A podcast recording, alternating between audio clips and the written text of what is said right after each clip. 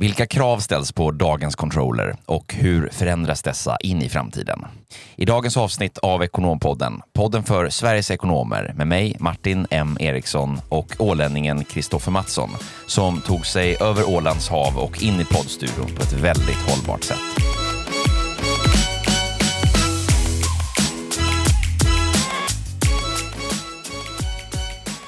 Hur var det hållbara sättet? Ja, jag tänkte jag precis skulle ställa samma fråga till dig. Hur gick det till? Ja, det, det är mycket hållbarhet på näthinnan nu. Vi var ju faktiskt förra veckan här på Åland och diskuterade hållbart företagande, en spin-off på vårt tidigare avsnitt som vi hade när vi hade Lali Fjällström i studion. Det blev Mm. väldigt bra, det blev lyckat. Ja, det blev lyckat och det, det är så himla intressant och spännande det här med när liksom de här poletterna börjar trilla ner hos folk. Det jag tycker det är rätt fascinerande. Det känns som att det liksom, vi är inne i en, som en sån här, eh, inne i en fas nu där liksom man tycker att fler och fler fattar grejen och börjar liksom inse, okay, men hur kan jag faktiskt göra någonting jäkligt bra av det här och de här trenderna? Eh, och på vilket sätt kan vi faktiskt få affärsnytta av ändå de regleringar och lagkrav som kommer?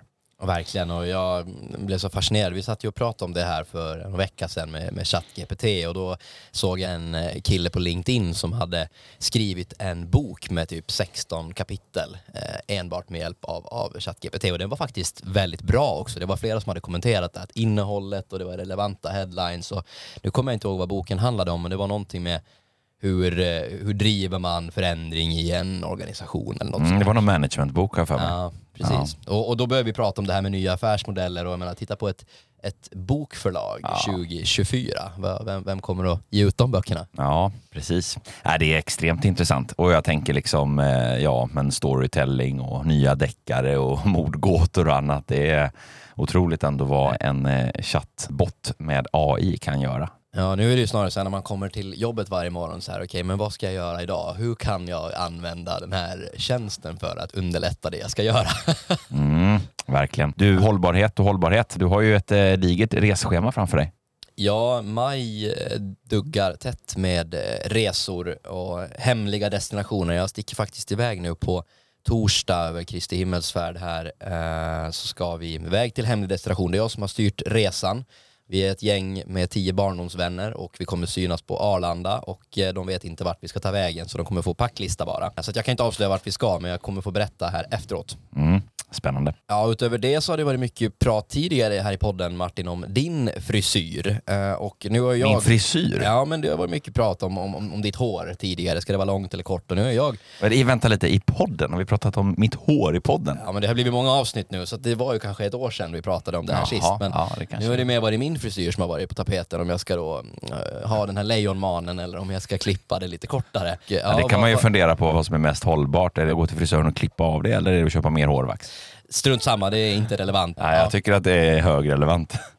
Ja, den är klurig den där om man ska köra hårvax eller gå till frisören. Jag tror att jag kommer behöva göra någonting snart för att det börjar bli eh, lite över, övervuxet. Nej, vi får se. Sommaren får förtälja hur hållbar frisyr du kommer att ha. Det får det göra och mitt livsmission fortsätter att hitta men jag har ju sagt att jag har problem att hitta frisörer som funkar för mig så jag har sportat med att hitta liksom de billigaste, Mm. billigaste klippningen för jag är aldrig nöjd även om jag betalar 200 eller 900 kronor för min klippning. Ja. Ja, nu ska vi sluta snacka strunt här Martin tycker jag. Denna jakt på den billigaste frisören som ska ge dig den bästa klippningen. Det är ju ungefär som när man ska ta de bästa affärsmässiga besluten och samtidigt inte vill lägga pengar på att utveckla sin analys och controllingfunktion. Så är det. Vilken tur då att vi har en väldigt välklippt och stilig herre i studion. Och vi har äran då att gästas av Carl Stiller idag som ska prata om den moderna controllern och vad som inrymmer denna, både kompetensmässigt och, och så har vi lite framtidsspaningar. Nu sitter man nästan på nålar här Martin. Ja, verkligen. Och vi har ju liksom konstaterat det innan vi ens satte på bandet här idag, hur verkligen hela poddstudion vibrerar. Vi hoppas att det inte hörs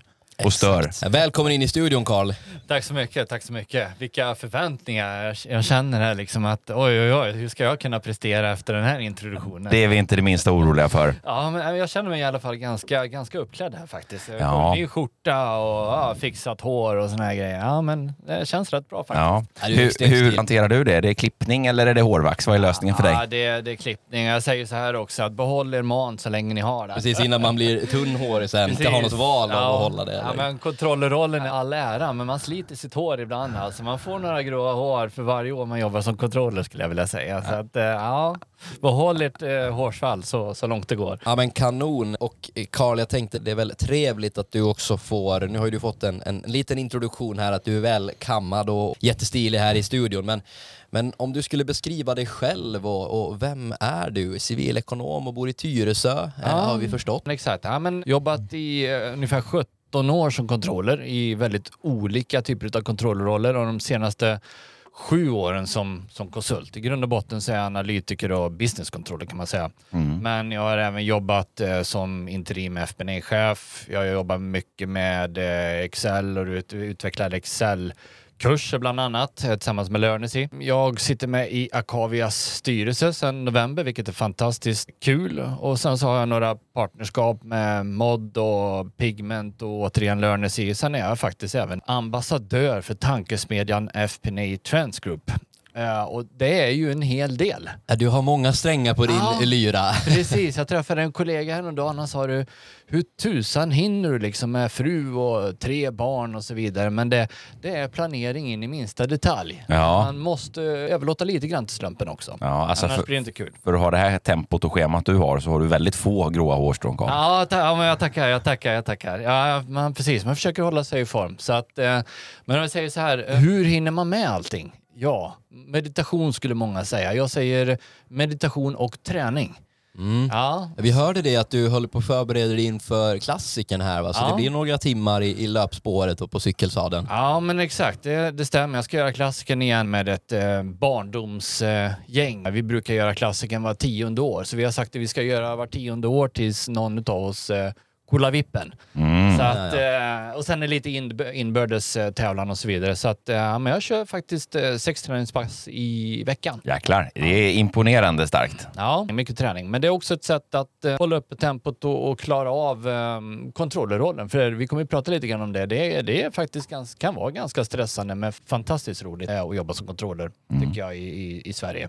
Ja, vad roligt. Och vi, har ju, vi är verkligen glada att ha dig med här och framförallt att du har en så lång erfarenhet från många olika typer av roller och många olika typer av organisationer. Allt från liksom snabbfotade techbolag till stora globala FMCG-koncerner och, och, allt vad det är. Och både konsult och anställd också. Och, och mm. ja, det är väldigt, väldigt, väldigt kul. Det här ser vi fram emot. Ja, men jag, jag har ju gått ifrån att vara, vara fastanställd och som sagt konsult nu. Det sista nu så, så har jag, i och med att jag har en ganska bred spann av erfarenhet så jag har kommit att arbeta allt mer med eh, digitalisering och eh, finance transformation-projekt helt, helt enkelt. Och jag tänker man, man skulle ju kunna prata ett helt avsnitt om det här med att vara konsult och så, men om du ändå bara skulle liksom få göra en distinktion, du som har varit mm. i båda världarna, både som anställd och nu senare då som interimskonsult och, och sådär. Vad skulle du säga att är de största kanske skillnaderna och fördelar och nackdelar?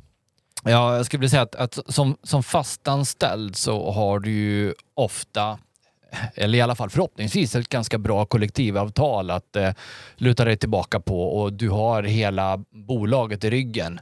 Eh, som, som, konsult så behöver du liksom tänka igenom allting som man kanske inte måste tänka på när man är just eh, fastanställd. Du behöver själv hitta dina kunder, du behöver själv tänka på försäkringar och pensionssparande som när man börjar komma upp lite grann i åldern som jag börjar bli allt mer på tapeten.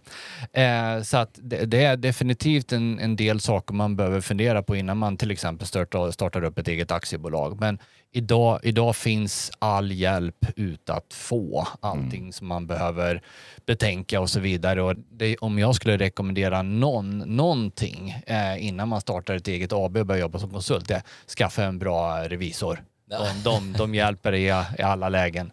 Ja, det är jättebra. Och ett stort nätverk. Vi hörde att du hade många kontakter på LinkedIn här när vi hade uppsnacket ja, i morse. Ja, precis. Jag är faktiskt uppe i 8000 eh, kontakter. Så att, eh, ja, det, det, det är rätt kul faktiskt. Ja, häftigt.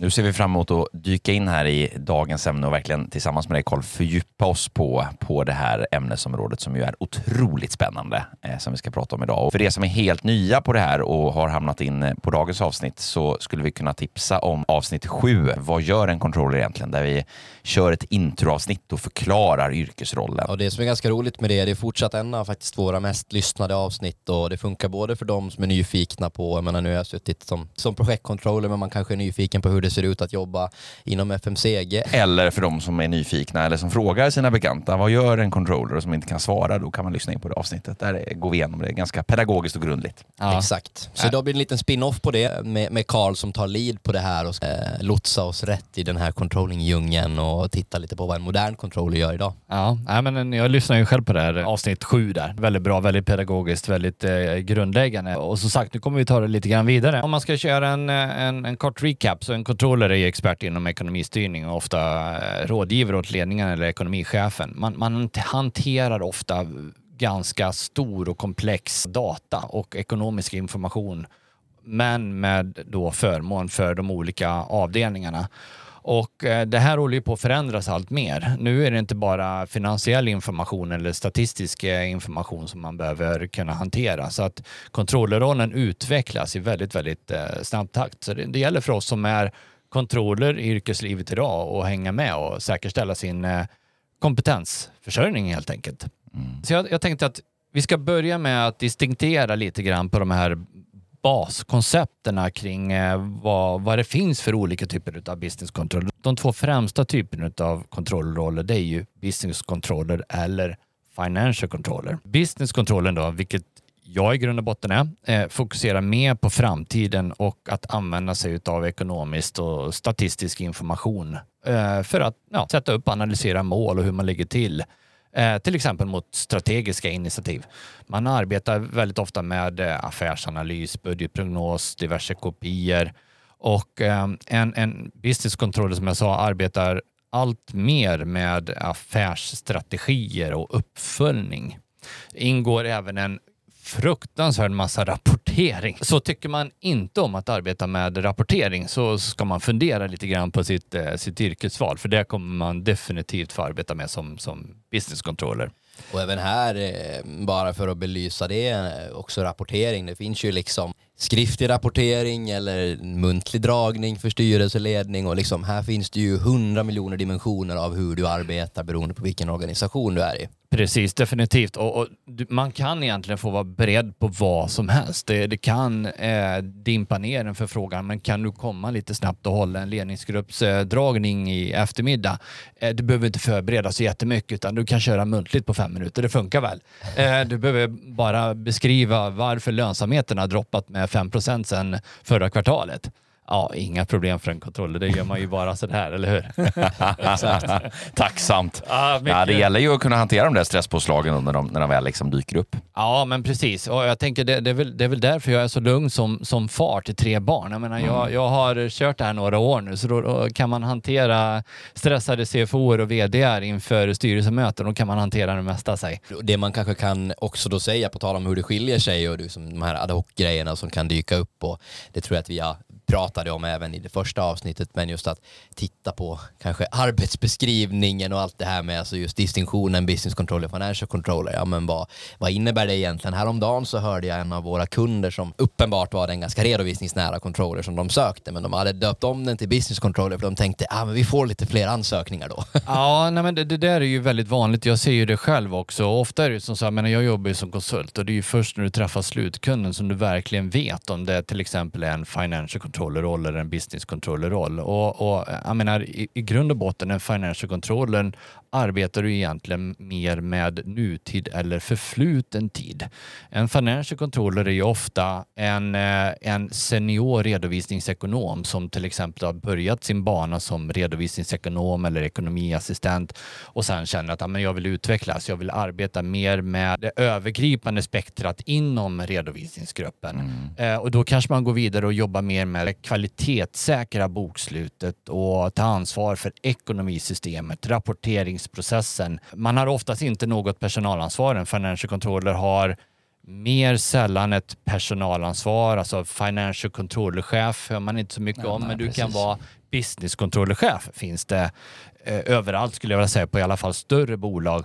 Men det är även eh, mycket fokus på internkontroll och myndighetsrapportering skulle jag säga är en eh, stor byggkloss i, i den här rollen. Sen är det som du säger att det kan finnas en, en boost i att titulera rollen man eftersöker som business controller. För det, det finns en viss dragning. Allt mer vill jobba inom business controller. Vi kommer gå in på det lite senare och förklara varför i alla fall jag tror att så är fallet. Och jag tänker det kan ju också vara mycket frågor som till exempel berör eh, men hela balansräkningen. Jag tänker kopplat till till exempel likviditetsfrågor och annat som landar på, på financial controlen. Exakt. Eh, För att brygga liksom in till, till eh, hur man optimerar vissa flöden och sen också som du är inne på just det här med alla regulatoriska frågor Ja, eh, i Stämmer. redovisningen. Och på bra. gruppnivå kan det ju vara alltså konsolidering och, och, och den typen av frågeställningar också. Så att det är väldigt enkelt konkluderat så är det lite närmare nutid eller förfluten tid och redovi, lite mer redovisningstekniskt. Ja, men exakt. Sen då så finns det ju en spin-off på uh, kontrollrollen i sig. Det finns ju ett otal olika typer av kontrollroller. Jag, jag tänkte jag ska rassla igenom några stycken som är lite mer specialiserade. Du har ju till exempel Revenue Controllern. Eh, testade jag själv på när jag jobbade ett år på Spotify och det handlar ju om intäkter helt enkelt. Eh, fantastiskt roligt. Kostkontroller, eh, sysslar med kostnader. Kanske inte riktigt lika roligt, beror precis på vilken del av PNL som man vill arbeta med. Eh, intäkter är roligare än kostnader tycker jag själv. Och de här sitter ju oftast kanske ute i, också i verksamheten. Eller det kan vara både och, Exakt. men främst så. Jag tänker en kostnadskontroller kanske finns på inköpsavdelningen. Exakt, och det är ju som så att större bolag som har mer definierade kontrollroller, de är ofta större och eh, där man uttalat vill ha en business partner i sin controller. Det vill säga att du har en starkare anknytning till avdelningen där du faktiskt sitter och arbetar. Och det är inte sällan som du har, ett, du har ditt skrivbord ute på avdelningen där du arbetar. Du, du kanske har ett skrivbord i controllingavdelningen också, men du har ett skrivbord tillhanda ute på avdelningen så att du verkligen sitter in operations så att säga och uh, arbetar. Det kanske man kan säga i dessa konjunkturtider så har säkert eh, de här mm, controllerserna med kostnadsfokus haft lite att- göra i. Man vet att det går att spara in både höger och vänster. Stämmer bra. Det är allt mer legitimt att jobba hemifrån för då behöver du själv stå för din eh, skärm med ditt bord och så vidare. Och, menar, vi controllers, vi är ganska cost conscious skulle jag vilja säga. Och här då bara för att kommentera skulle man väl kunna säga att det kan, ja, men man jobbar ändå väldigt verksamhetsnära. Det kan ju vara bra att ha en förståelse för liksom hela businessen alltså är det lagerintensiv verksamhet så kanske det är alltid från lageromsättningshastighet och den typen av frågor. Är det liksom FMCG, produkter, pris mm, och vi är inne på intäktssidan då, då är det bra att man förstår det man gör kanske. Ja, jo, nej, men som sagt, för att förstå det du gör så måste du ner på, om man nu ska kalla det för gräsrotsnivå. Jag har jobbat inom entreprenad eh, vid, vid ett tillfälle och jag tyckte det var, det var annorlunda men det var fantastiskt roligt att, diskutera ekonomi och hur verksamheten funkade ute på entreprenad. Man, eh, när man bytte fläktsystem eller la golv och sådana här saker. Det är en helt annan sida utav verksamheten vilket jag tyckte personligen var ganska, ganska roligt. Ja, just att det är så olika saker som driver intäkter och driver kostnader i olika verksamheter. Ja men, Det- nej, men Det exakt. kan på en eh, resultaträkning se likadant ut, men i olika bolag och olika branscher så finns det helt olika drivare och det är ju det som någonstans blir att förstå hur affären funkar och vad som driver olika saker. Det blir ju liksom någonstans också en jätteviktig aspekt för att kunna då jobba mer med eh, affärsstöd och, och ekonomistyrningsfrågorna för att vara en bra speaking partner mot, mot de som ska fatta beslut. Ja, nej men exakt. Och sen så behöver man ju också tänka på att om man nu väl sitter där ute i verksamheten så behöver man ju även ge tillbaka, inte bara ställa en massa komplexa eh, frågor som tar tid, för det kan vara ganska irriterande ibland, speciellt om man kommer som eh, konsult på en arbetsplats som, som jag. Nu, nu kommer den här jobbiga kontrollen ska ställa en massa frågor som inte jag har tid att svara på. Man måste kunna ge tillbaka. Vad använder vi de här svaren till egentligen? Vad gjorde vi med det? Det är jätteviktigt. Men om man, om man nu hoppar tillbaka lite grann på de här olika typerna av roller så har du ju IT-controller och det säger ju sig självt eh, vad en sån arbetar med. Du har commercial controller, du har marketing controller, du har produktionskontroller som man ofta hittar inom industrin. HR-controller brukar bli allt vanligare och sen så har du ett par nya typer av roller som har funnits ett litet tag men kanske inte är så välkända som Finance Transformation Controller. Mm, det Låter känns som ett, häftigt, eh, va? Ja, det känns som en av dina hjärte, Ja. hjärtekontrollerroller. Ja, jag är faktiskt Finance Transformation Business Controller just nu. Världens längsta titel, säg. Ja, på tal om den här titeldjungeln där det dyker upp allt möjligt spännande. Vad är det bara man sätter manager efter så, så Ja. är man någonting viktigt. Ja men precis, jag hade, hade en kollega en gång nere i Danmark. Han, han, man frågade honom vad vill du jobba med i framtiden? I want to be a manager. Ja, men, men vad gör en manager? It doesn't matter, I just want to be a manager. Ja, det är fantastiskt. Ja, sen, sen en ny roll här nu då som är på tapeten när vi pratar om sustainability och allt som, som händer ute i omvärlden. Det är ju hållbarhetskontroller. Och nu börjar det bli lite komplext. För nu är det mycket regelverk och GRI och så vidare som man ska kunna. Så att, eh, men det är någonting som jag ser, den här typen av kontroller eh, kommer att finnas på alla större arbetsplatser eh, när man ändrar lagkraven kring rapportering. Och det kanske man kan eh, ta en liten sekund och stanna upp vid. Då tänker man ju sig att man måste vara någon, någon riktig miljökämpe. Men jag menar egentligen handlar det väl om vem som helst skulle väl i praktiken kunna räkna på koldioxidutsläpp eller något liknande. Då handlar det kanske mer om vetgirighet, omvärldsbevakning. Alltså de här regelverken kommer att belasta oss. Hur inverkar det på vår verksamhet och hur kan vi liksom tillgodose det? Ja, nej men exakt. Jag menar, många tror ju att men, hållbarhetskontroller det handlar, om, eh, det handlar om koldioxid. Hur mycket koldioxid släpper vi ut? Vad, hur gör, vad gör vi med vårt skrot som vi har avverkat här nu då i produktionsprocessen? Men det handlar om mycket mer än så. Men företag idag sätter faktiskt ofta upp vad är det vi vill rapportera på själva? Så att det måste vara väsentliga kopior. Till exempel en av mina hjärtefrågor och det är lite grann därför som jag, som jag är så engagerad i, i Akavia. Det är till exempel hur mår personalen? Har vi mycket sjukskrivning? Har vi folk som slutar? Den här typen av frågor, det är också hållbarhet som behöver vävas in i företagens hållbarhetsrapportering. Mm, jättespännande. Och det jag tycker är så intressant med just hållbarhet är att alltså, någonting som är hållbart för dig dina hållbarhetshjärtefrågor kan ju vara någonting helt annat för mig eller för Martin.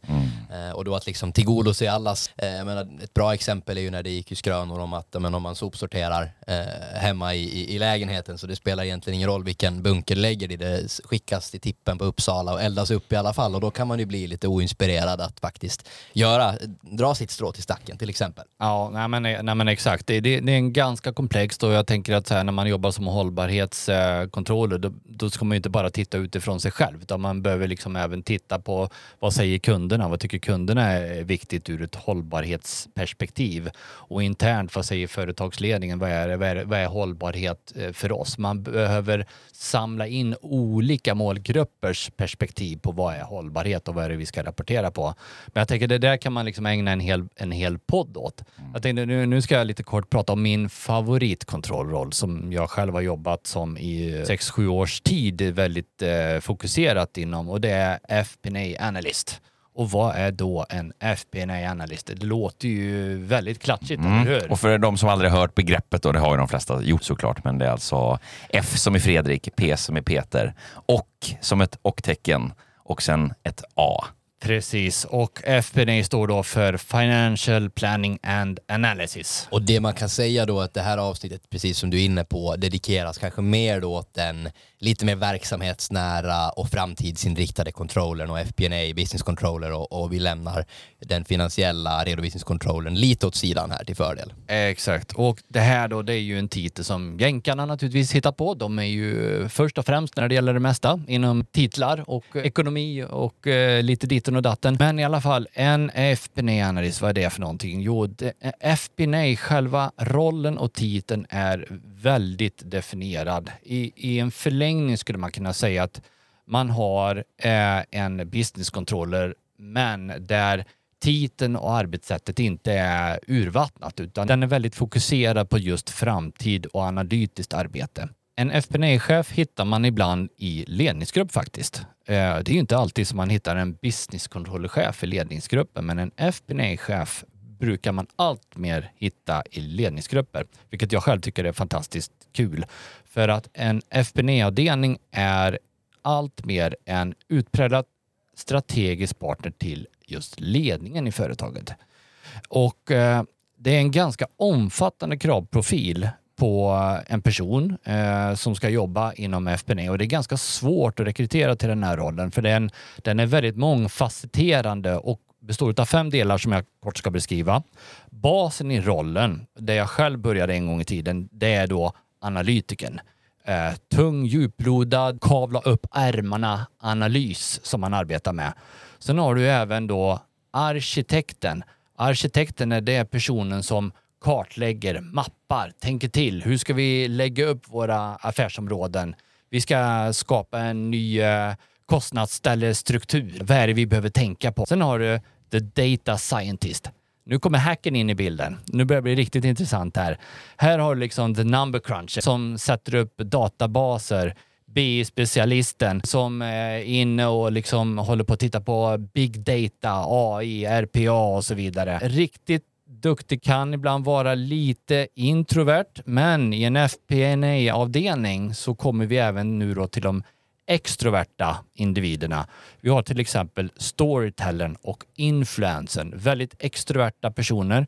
Det är ofta här eh, FP&A-chefen landar, det vill säga vi ska berätta en historia om vårt resultat. Vi ska kunna förmedla den både internt i verksamheten. Varför ser resultatet ut så här? Storytellern och influensen ska även kunna beskriva resultatet och vad, är som, vad som är på gång i verksamheten. Vad är det som har hänt i verksamheten?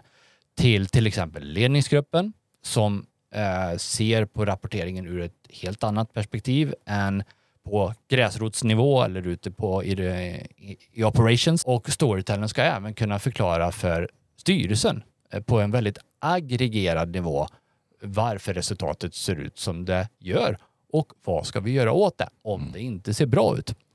Ja, det är ju minst sagt en mångfacetterad eh, roll det här och jag menar det blir ju när man, när man beskriver det här, du ska vara den här businesspartnern som är jätte liksom, eh, duktig på att kommunicera och pedagogisk och så ska du vara den här analytikern som kan ta dig an jättestora datamängder och kunna dra insiktsfulla analyser och bidra med beslutsunderlag och, och, och så vidare. Hur, hur, hur, hur ska man liksom göra när man, menar, finns den här personen faktiskt? Eller Ja, hur, det- hur, tänker man? Det är nästan en lite schizofren roll, eller hur? Jag menar, hur ska man kunna bemästra alla de här rollerna? Jag skulle svara så Anlita Carl Stiller då? Ja, men precis. Anlita mig.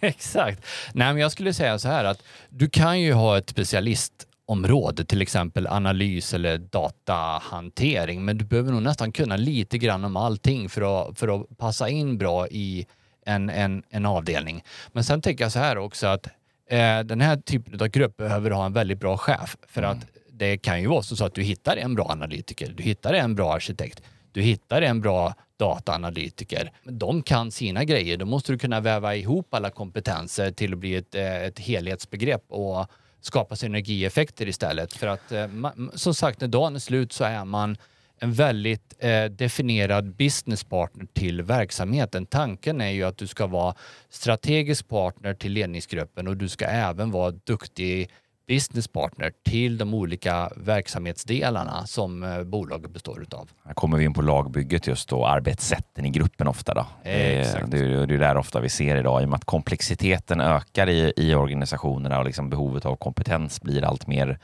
mångfacetterat och komplext så, så finns det ett större värde av att organisera sig i liksom ett mer kanske processorienterat arbetssätt där man mer kan dra nytta av varandras styrkor i en gemensam output. Även om du har liksom fortfarande FP&A-medarbetare i teamet som är ansvariga för sina affärsområden eller sina processer men att det ändå finns ett samarbete och där man liksom drar nytta av, av varandras kompetenser. Ja, teamet är inte starkare än dess svagaste länk. Nej, men ett plus ett är lika med tre. Ja, lite, nu haglar klyschorna här, men exakt, det stämmer bra det. Alltså tanken är ju att man ska ju jobba tvärfunktionellt eller korsfunktionellt eller vad man nu ska kalla det för.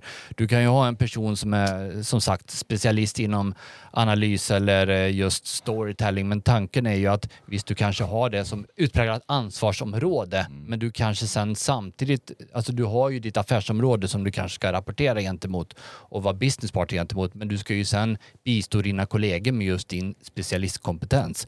Och sen så ska man inte sticka under stol med att det krävs ju ett eh, kunskapsutbyte inom avdelningen och det där är jätteviktigt så att man inte bara låser dig fast vid din roll och eh, behåller din egen kunskap utan faktiskt du delar med dig utav kunskap. Det där är faktiskt någonting som jag själv har haft tur eh, i när det gäller under, under min karriär.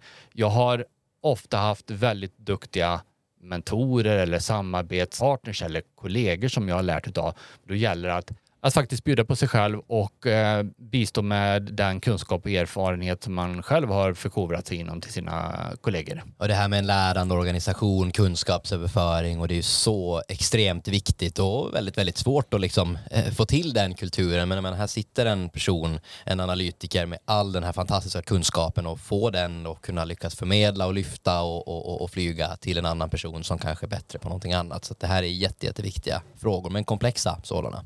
Jag är lite nyfiken, eh, vi, vi pratar ju om det här, liksom, den moderna FBNA-controllern eh, eller business-controllern eh, och liksom dagens controller, det inrymmer alla de här fem komponenterna. Och hur ska man liksom, vad är utmaningarna för den enskilda personen då? Jag menar, man, man, man hårdrar det då så, så är det ju ganska vanligt att man kanske är lite mer extrovert eller lite mer introvert eh, och, och då behöver man ju kanske bli bättre på det ena eller det andra. Vad, vad, vad är din kommentar här? Och jag, menar, jag gissar att du själv som har varit, ja, men jobbat nu 17 år inom yrket, ja, inom linjen på många olika ställen. Och vad, vad är dina lärdomar och vad är dina tips till controllers där ute? Ja, jag, jag tänker så här att man, man måste nästan förutsätta att man själv behöver ta ansvar för sin eh, kompetensförsörjning. Uh, är du fastanställd eller du är på väg att gå in i en fastanställning så skulle jag tänka så här att innan du signar upp, ta reda på vad finns det för, för plan för utvecklingen utav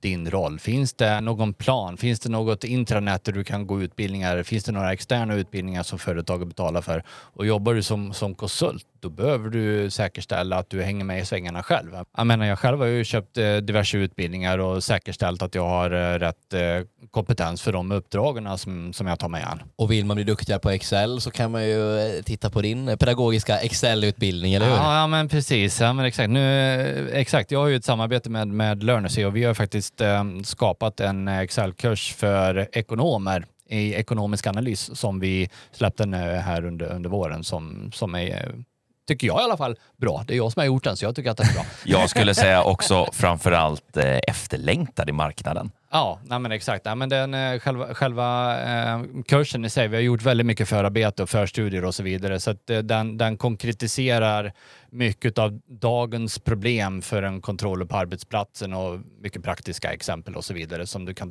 ta del av och lära dig. Spännande. Bra, men då har vi ju pratat lite också om utmaningarna för den moderna kontrollen, lite sådär stalltips, ta ägandeskap över din egen utveckling och ditt eget lärande och, och samma sak då controllerchefer, CFO eller var du än befinner dig i organisationen så handlar det om att få teamet att faktiskt lira ihop. Och det här har vi ju nämnt som utmaningar tidigare också att ja, men, en, en CFO-funktionen, men du kommer kunna leda diversifierade team. Det samma gäller egentligen för en controllerchef, att du behöver kunna få det här att samverka för att vi är bra och dåliga på olika saker. Och vi var ju inne också på tidigare och gjorde distinktionen mellan liksom business controller, projektcontroller, financial controller och så vidare. Men eh, jag tänkte vi skulle kunna ta eh, lite avstamp i också arbetsmiljön, alltså skillnader i olika branscher, kanske skillnader i ägarstruktur. Jag menar, är man ett börsnoterat bolag så är det ju ganska sannolikt att det ligger mycket, mycket mer fokus på rapportering till exempel och, och sådär. Är det en, ett utvecklande bolag så kanske man ska ha finansiering och då kanske man behöver ha en bra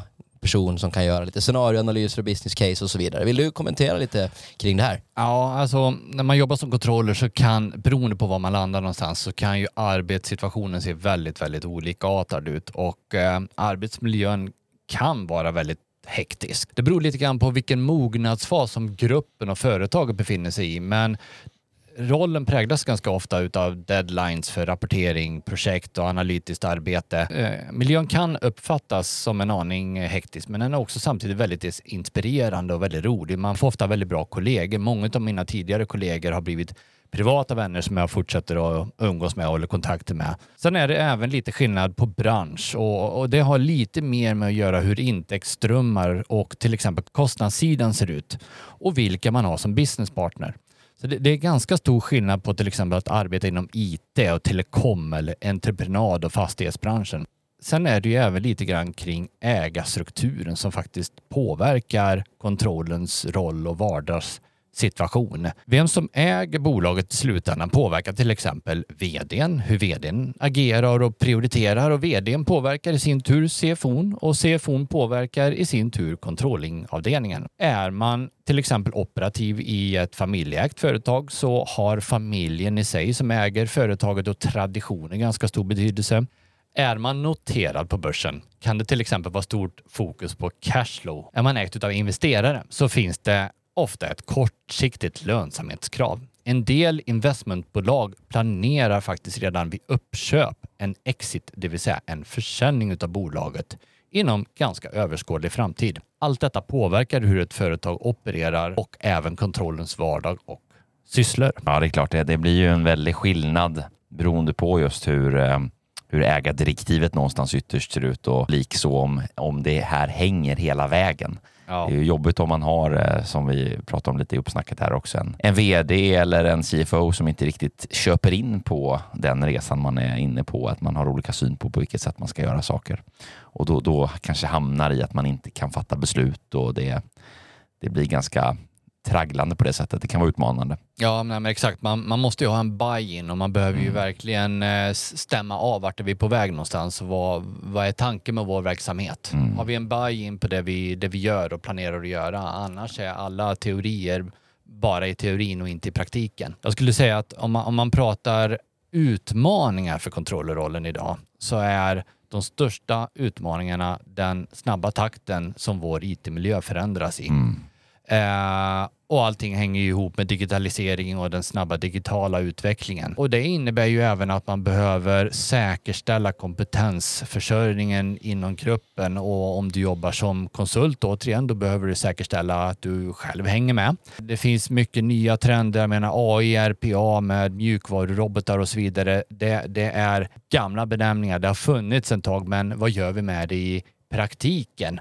Har vi det integrerat i vår verksamhet idag ute på företagen. Nu har vi ChatGPT som en, det skulle vi kunna ägna en podcast åt bara det. Säg. Det finns en uppskjut av kompetenser som en controller nästan ska och måste bemästra. Och ibland kan det bli lite system overload. Jag var med på verksamhetsstyrning 2.0 för eh, en månad sedan lite drygt och eh, ledde ett rundabordssamtal och då eh, körde jag lite statistik och en poll på LinkedIn innan och då ställde jag frågan ute på den här tankesmedjan, FBNA Trends Club. Den ena frågan som jag ställde då var Do you think that a wide range of skills to possess and continuously be updated on sometimes are too much? Då hela 33 procent svarade quite often eller all the time. Så att det är en ganska pressad situation och mycket som vi controllers behöver bemästra. Mm, helt enkelt att man tycker att kraven på och behoven av att hänga med och vara up to date och kunskapsuppdatering och eh, kunskapsutveckling, att det är lite för mycket egentligen. Ja, men precis. Och det där går ju hand i hand lite grann med att det, det kan vara ganska svårt för en rekryterande chef att hitta rätt personer till de här rollerna för att det företaget är idag, eh, där kommer det inte vara om eh, två eller tre eller fyra eller fem år. Så att du kan ju behöva olika typer av karaktärer i ditt controlling team. Jag menar, till exempel, jag går ju ofta ut och krattar banan för en permanent controllerchef. Jag har ofta befunnit mig i roller där jag byggt upp en controllingavdelning från, från scratch för att sedan lämna över det till en mer förvaltande controllerchef.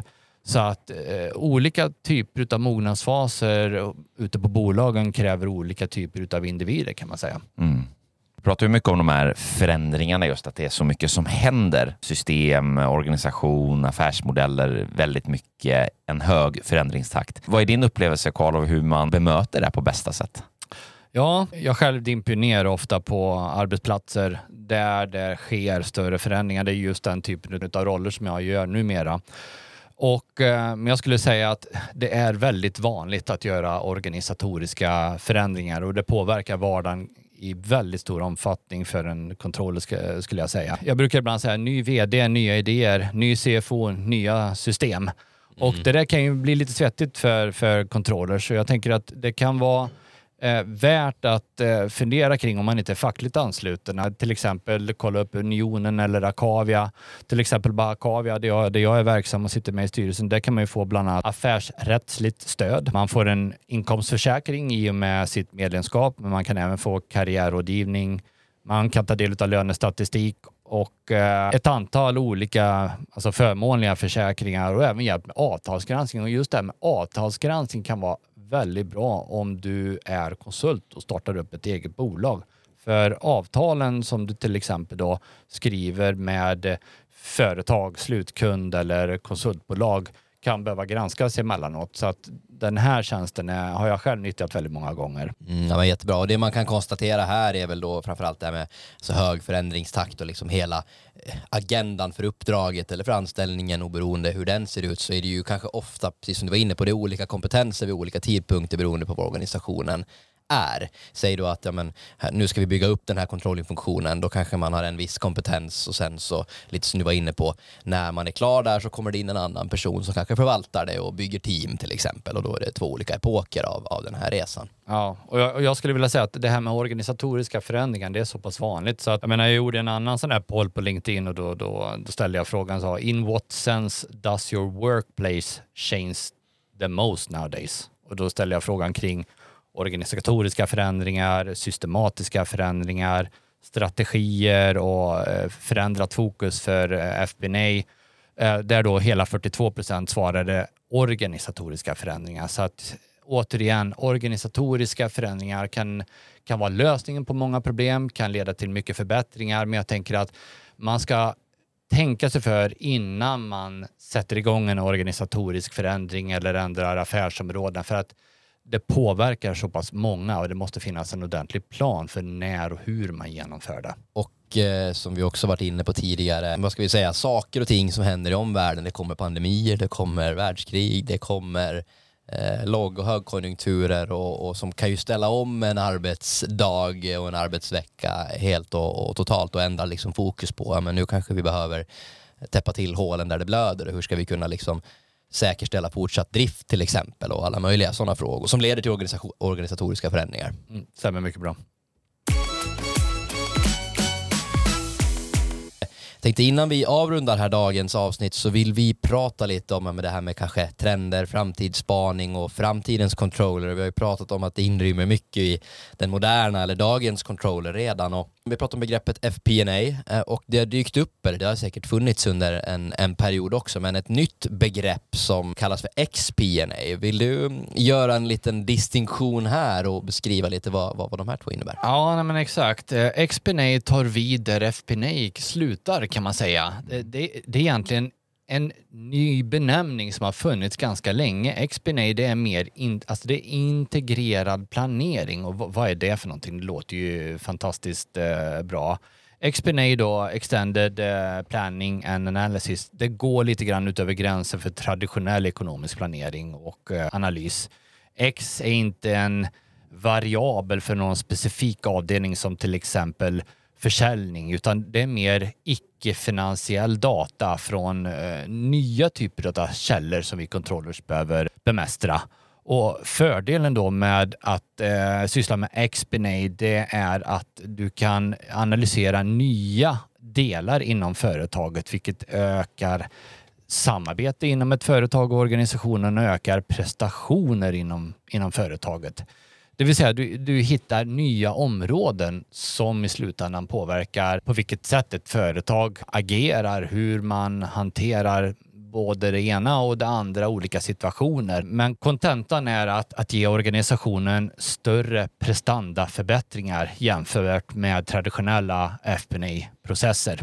Så en ännu mer bredare och strategisk eh, roll som man behöver verkligen ta hela organisationens affärsben eh, i beaktande och liksom olika, ja men eh, allt från att bli en businesspartner till säljorganisationen till IT-organisationen till HR och liknande. Ja, precis. Och jag tänker att eh, inbefattar nya typer av datakällor. Jag menar, det finns en uppskjut av datakällor idag som eh, vi nu har påbörjat att undersöka och förkovra oss inom.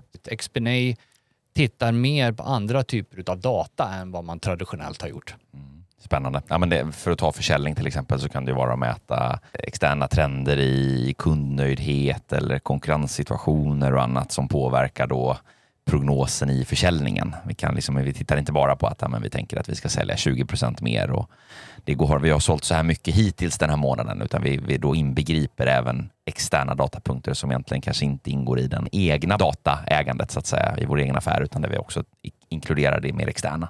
Är det så man ska uppfatta det? Ja, nej men, nej men exakt. Man tittar egentligen på verksamheten både top-down, bottoms-up och även tvärfunktionellt och integrerar mm. alla de olika delarna med varandra. Hur hänger de ihop utifrån ett eh, planeringsperspektiv? Det är ett intressant landskap som ju är i stor förändring och en nödvändig sådan med tanke på just alla de här eh, trenderna som vi ser i omvärlden. Mm, definitivt. Det går fort där ute. Bra tycker jag beskrivning mellan skillnaderna på XPNA och, och FPNA. Och något annat, vi pratar lite nya kunskapsområden och, och så här, men att datamängderna blir allt mer avancerade, komplexa och kanske större framför allt. Jag menar, hur många, jag vet inte hur många punkter det går in i, i Excel idag, men, men big data är ju ett annat sånt begrepp för analys. Vad, vad, vad tror du om, om det? Ja, big data till att börja med, om man ska definiera vad det är för någonting, det är ju digitalt lagrad information som består av terabyte eller petabyte som, som det heter. Och, och det kan du till exempel inte lagra med hjälp av traditionella databasmetoder utan du behöver en annan typ av databaser för att hantera de här stora datamängderna. Big data kommer egentligen från eh, fysik eller meteorologi, eh, men du kan fånga upp datan på ett annat sätt än till exempel med ett CRM-system eller ett ekonomisystem eller ett försäljningssystem. Nu snackar vi webbtjänster, mobiltelefoni. Eh, det är en helt annan typ av sätt att fånga upp den här datan på. Så utmaningen är ju då vad ska vi göra med den och hur ska vi kvalitetssäkra den och hur ska vi kunna nyttja den? Har vi duktiga människor som kan hantera detta så leder detta till att företagen får väldigt stora konkurrensmässiga fördelar. Men då behöver du just hitta kompetens som kan hantera allt detta på ett bra sätt.